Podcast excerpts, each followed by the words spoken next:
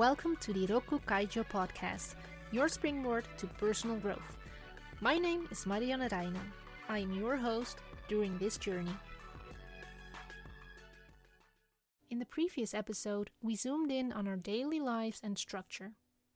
Although we might label ourselves as timekeepers or time benders, being able to work in a more structured way really is a matter of practicing. In this episode, we are diving a little bit deeper. We are going to talk about planning and structure.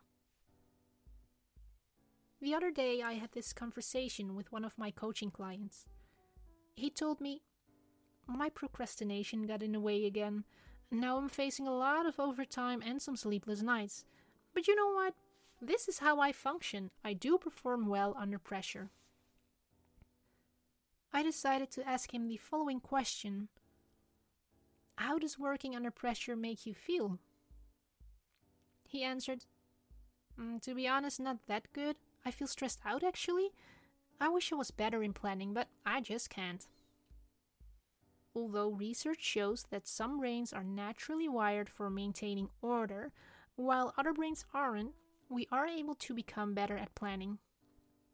Today, we are going to cover five steps which might help you to improve your skills. Step 1 Acceptance is key. Every beginning is difficult. If you experience a setback, don't let your emotions get the best of you. Don't give up just because you feel you failed. Failure is just feedback. Accept the fact that some things might be hard, but remember that it will get better in time. Step 2 Discover personal strengths and weaknesses. It is important to understand what really works for you and what doesn't. It's a question of tailor made solutions. You might naturally have some tendencies that are either helpful or harmful. You might excel in certain areas and miss some skills in other areas. Not sure about your self analysis? Ask someone who works close with you for feedback. Step 3 No black, no white. Research shows that people who aren't really into planning tend to think in black or white. Scenario 1 I have to follow up my plans from A to Z, otherwise, it would just be a waste of time. Scenario 2 I have to plan every single day, otherwise, I shouldn't be planning at all. Do you think this way? You might overcome this block by acknowledging that learning is always a process. Each day you are able to plan is a win. Count those wins. Step 4 Ask for help. You know that one person who really has got outstanding planning and organizational skills? Great! Why not team up with this person? Ask for their personal experience, ask for advice, ask for help. They might grasp what you are looking for in a jiffy. Two tips here. 1. Team up with the right person.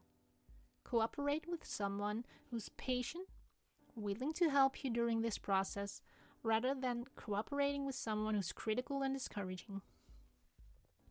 2. Ask for simple solutions. You are in a learning process, so start with small steps. Step 5 Practice makes perfect permanent. The more you practice, the better you will perform. You can break this down using these three principles. 1.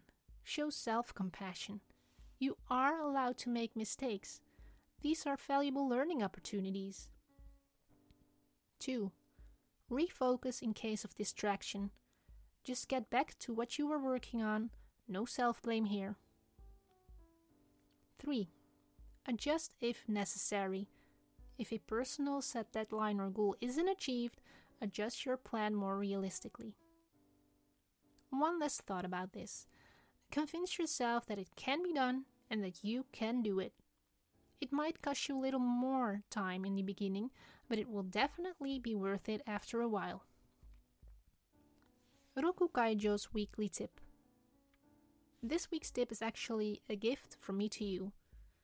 If you would like to up your game regarding planning and organizing, hop on a free 45 minute discovery call with me. I'll be happy to listen to you, coach you on your blocks, and create value you can benefit from for the rest of your life. To book this discovery call, check out the link in the description of this episode. Thanks for listening to the Rokku Kaijo podcast. Tune in every Thursday for a new episode. More information and the latest news can be found on the website rokku-kaijo.com.